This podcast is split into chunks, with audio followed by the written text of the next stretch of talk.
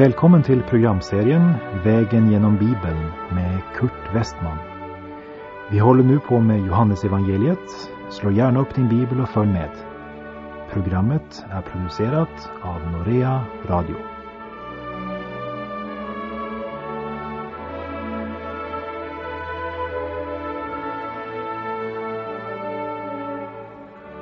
Vi har nu kommit till vers 22 i Johannesevangeliets tionde kapitel. Det vi läste i verserna 1 till och med 21, det skedde under lövhyddohögtiden som efter vår almanacka var i slutet av oktober. När vi nu kommer till tempelinvigningsfesten så är det cirka två månader senare, alltså i slutet av december. Och Jesus befinner sig än en gång i Jerusalem. Vi läser Johannes 10, vers 22. Nu inföll tempelinvigningsfesten i Jerusalem. Det var vinter. Denna fest firades till minne av den gång då Judas Maccabeus befriade templet från den syriske Antiochus Epifanes som hade orenat templet. Det skedde cirka år 167 till 165 före Kristus. Men firades fortfarande på Herren Jesu tid. Det var vinter. Symboliskt kan vi säga att skördetiden var nu förbi. Jesus var färdig med nationen. Och vi lägger märke till att från och med nu talar han här i Johannesevangeliet endast till sina lärjungar. Han håller inga fler offentliga tal. Det är nu för sent att skörda. De offentliga budskapens tid är förbi. Nu blir Jesus tyst i förhållande till världen. Och han gör sig redo för att gå vägen ut till korset för att dö för världens synder. Kära vän, låt mig påminna dig om att du kan dröja för länge innan du får avklarat ditt förhållande till Kristus. Det kommer en vinter också för dig. Det kommer att komma en dag då du inte längre kan vittna om honom. Om du har tänkt att tjäna Herren så är det bäst att du får gjort det nu. Och om du aldrig på allvar tagit emot Jesus som din frälsare, så låt mig påminna dig om att det kommer en vinter också när det gäller den saken. Det kommer en dag då det blir för sent, min vän. För sent att bli frälst. Du kan fortsätta att stå emot Jesu kallelse så länge att du inte längre kan ta emot honom. Profeten talade om den möjligheten i Jeremia 8, vers 20. Skördetiden är förbi, sommaren är till ända och ingen frälsning har kommit oss till del.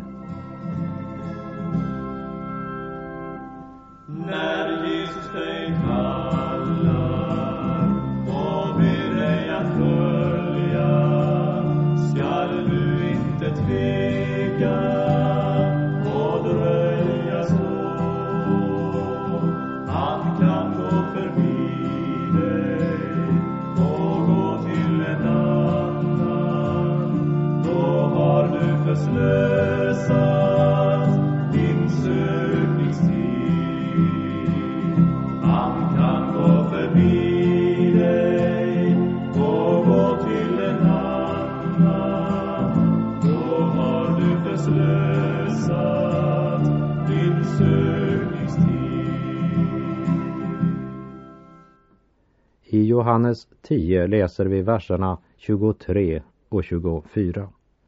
Och Jesus gick omkring i Salomos pelarhall i templet. Då omringade judarna honom och sade, hur länge ska du hålla oss i ovisshet? Om du är Messias, så säg det öppet. Det var en stor pelarhall som var för hedningarna sådana som inte tillhörde nationen Israel. Jesus gick inte längre till templet. Det var vinter. och han vandrade i Salomos pelarhall. Jesus hade mycket klart givit till känna vem han var. Och de som tog emot honom förstod att han var Messias, Kristus. Som du minns ifrån Johannes första kapitel så hade Andreas sagt till sin bror, vi har funnit Messias. Och i samma kapitel sa Natanael, Rabbi, du är Guds son, du är Israels konung. Kvinnan vid Sykars brunn i Samarien förstod vem han var. Och männen där i Sykar sa, nu är det inte längre vad du har sagt som får oss att tro. Vi har själva hört honom och vet att han verkligen är världens frälsare, som det stod i Johannes kapitel 4. Också den blindfödde mannen som blev helad av Jesus trodde och tillbad honom. Medan de religiösa ledarna som kunde stora delar av profetskrifterna utantill, trots all sin teoretiska kunskap, måste säga hur länge vill du hålla oss i ovisshet? Och de får det att höras ut som om det var Jesus som inte givit dem klar nog information. Medan sanningen var att det var de som inte ville tro. Och otron dolde honom så att de inte kunde se. Jesus har uppenbarat att han är Messias för alla dem som vill tro på honom. Och nu deklarerar han för dessa religiösa ledare. Verserna 25 och 26. Jesus svarade Jag har sagt er det, men ni tror det inte. Gärningarna som jag gör i min faders namn vittnar om mig men ni tror inte, därför att ni inte hör till mina får. Jesus säger klart och enkelt att hans gärningar stadfäster vad profetskrifterna vittnat om Messias. Han är av Davids ett efter skrifterna. Han presenterades av Johannes döparen. Ingen har undervisat så som han undervisade och ingen kunde peka på någon synd i hans liv. Och när Johannes döparen sände sina lärjungar för att undersöka om Jesus var Messias eller om de skulle vänta på någon annan, så sa Jesus till dem att de skulle gå tillbaka till Johannes och berätta vad Jesus gjorde. Och då skulle Johannes döparen veta att det var det kännetecken som skulle stadfästa Messias och hans gärning. Hans liv stadfäste det. Hans under stadfäste det. Problemet var inte bristen på stadfästelser i förhållande till profetiorna. Problemet var otron i människornas hjärtan. Och det faktum att de inte trodde på honom visade att de inte var hans får det är den negativa sidan.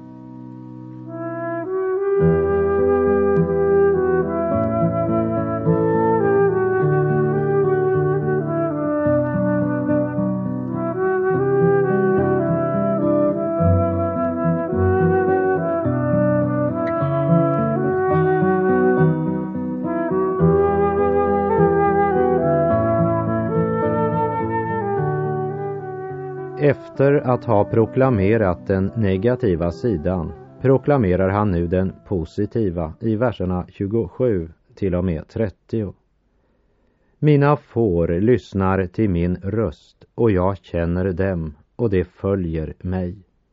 Jag ger dem evigt liv och det skall aldrig någonsin gå under och ingen skall rycka dem ur min hand. Min fader som har givit dem åt mig är större än alla och ingen kan rycka dem ur min faders hand. Jag och fadern är ett.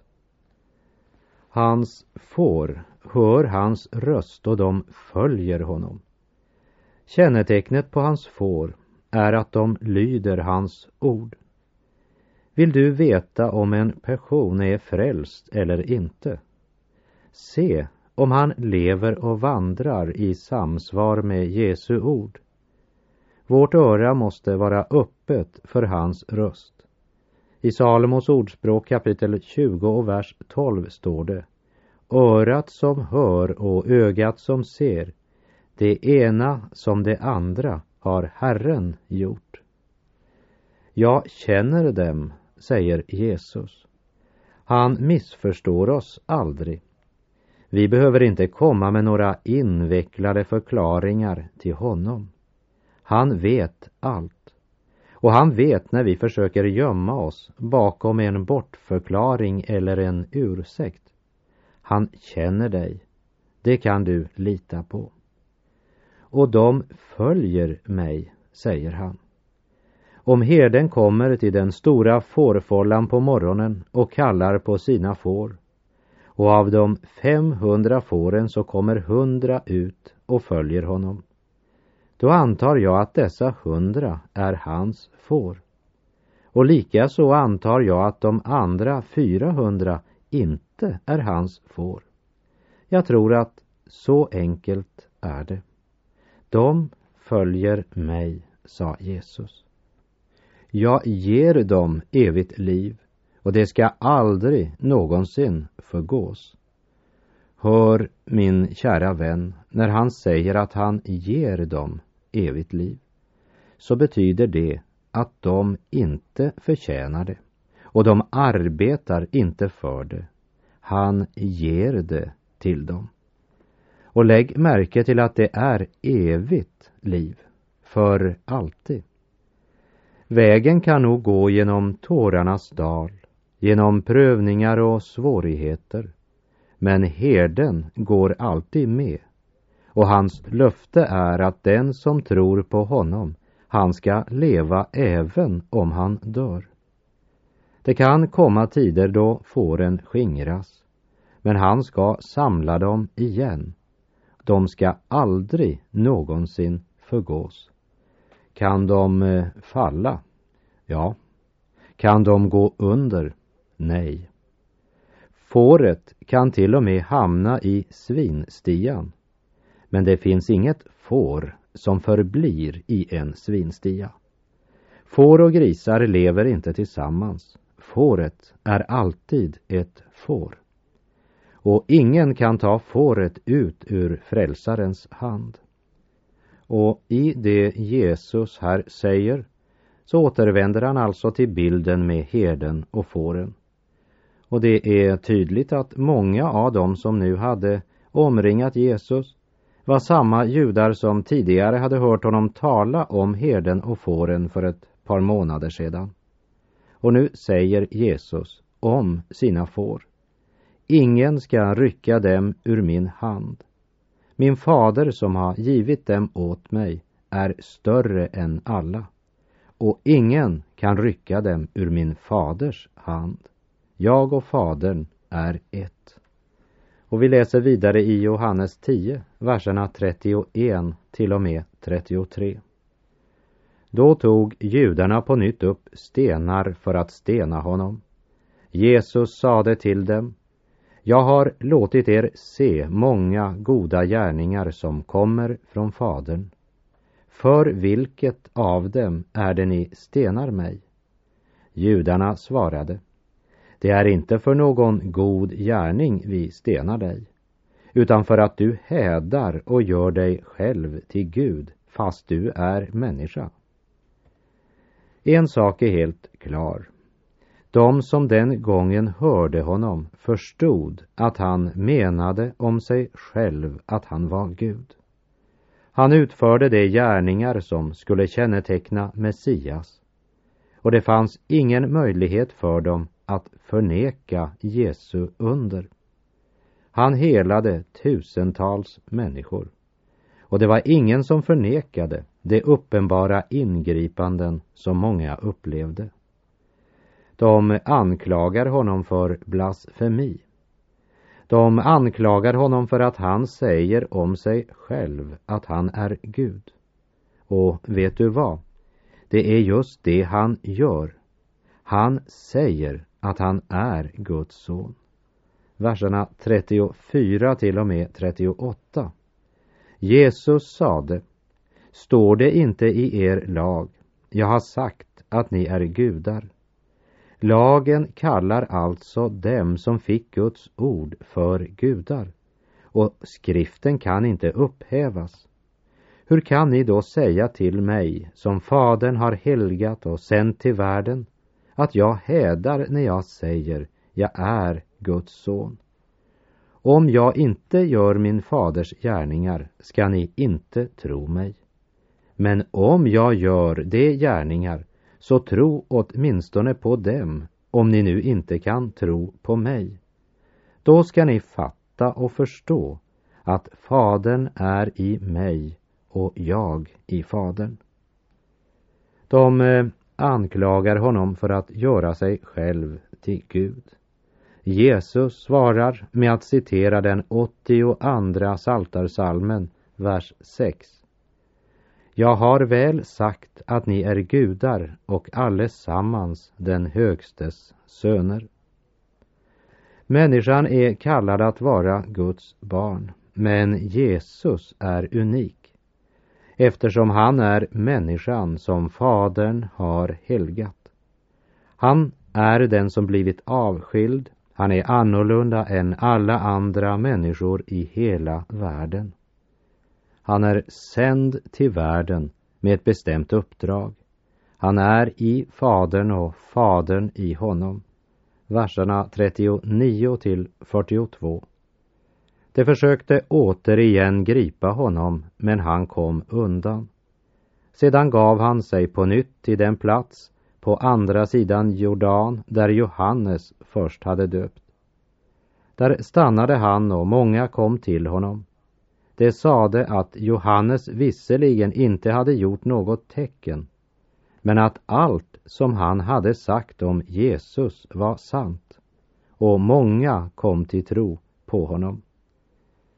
Johannes döparen gjorde inga under eller tecken, men han gav ett sant vittnesbörd om Messias, Kristus, och förkunnade att han är den om vilken profeterna har vittnat att han skulle komma. Det var vinter. Jesus gick inte längre till templet, men gick alltså till Salomos pelargång. Det var en pelargång som låg strax innanför Gyllene porten i Jerusalems östra tempelmur, det vill säga i anslutning till templet. Det var en plats som var för hedningarna sådana som inte tillhörde nationen Israel. Och denna pelargång hade ett tak av cederträ. Och när de religiösa ledarna i templet märkte att människorna samlades omkring Jesus där, så går de till Salomos pelargång eller pelarhall och omringar honom, som vi läste i vers 24. Då omringade judarna honom och sade, hur länge ska du hålla oss i ovisshet om du är Messias, så säg det öppet. Men efter den diskussionen med judarna, där de än en gång försökte gripa honom, så begav Jesus sig på nytt till den plats på andra sidan Jordan där Johannes först hade döpt. Det var långt borta från templet. Och Jesus stannade där och många kom till honom. Och de som kom till denna plats var inte judarnas religiösa ledare, men sådana som följde honom. Och det är de som ger detta fantastiska vittnesbörd om döparen Johannes. Det sade att Johannes visserligen inte hade gjort något tecken, men att allt han hade sagt om Jesus var sant. De profetskrifterna vittnade om Messias och Johannes vittnesbörd om honom stämde överens. Jesu liv och Jesu undervisning och det Johannes vittnade stämde överens. Allt som Johannes sa om Jesus var sant. Vad menar du om Kristus? Vad säger du om Jesus? Vad är ditt vittnesbörd om honom?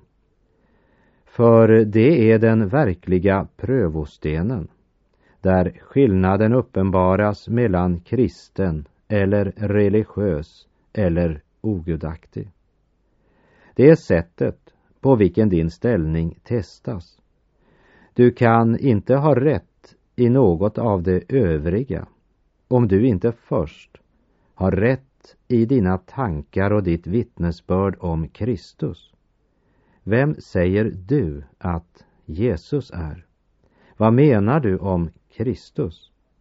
Varför har han kommit? Är du hans får så hör du hans röst. Och är du inte hans får så hör du inte hans röst. Utan då drunknar hans röst tillsammans med alla andra röster som ropar i vår tid. Men hans får, de kan höra Guds son. Och de inrättar sitt liv efter det de hör. Den som hör ordet och gör efter det är en Jesu lärjunge. Att höra har i högsta grad med konsekvens att göra. Den tro som inte får en konsekvens i vår vardag är bara en tom inbildning. Jesus talar inte bara om att hålla det för sant, det han säger. Men han talar om att inrätta sitt liv efter hans ord. Det är att höra hans röst. Det som kännetecknar tron är att den hör Jesu röst.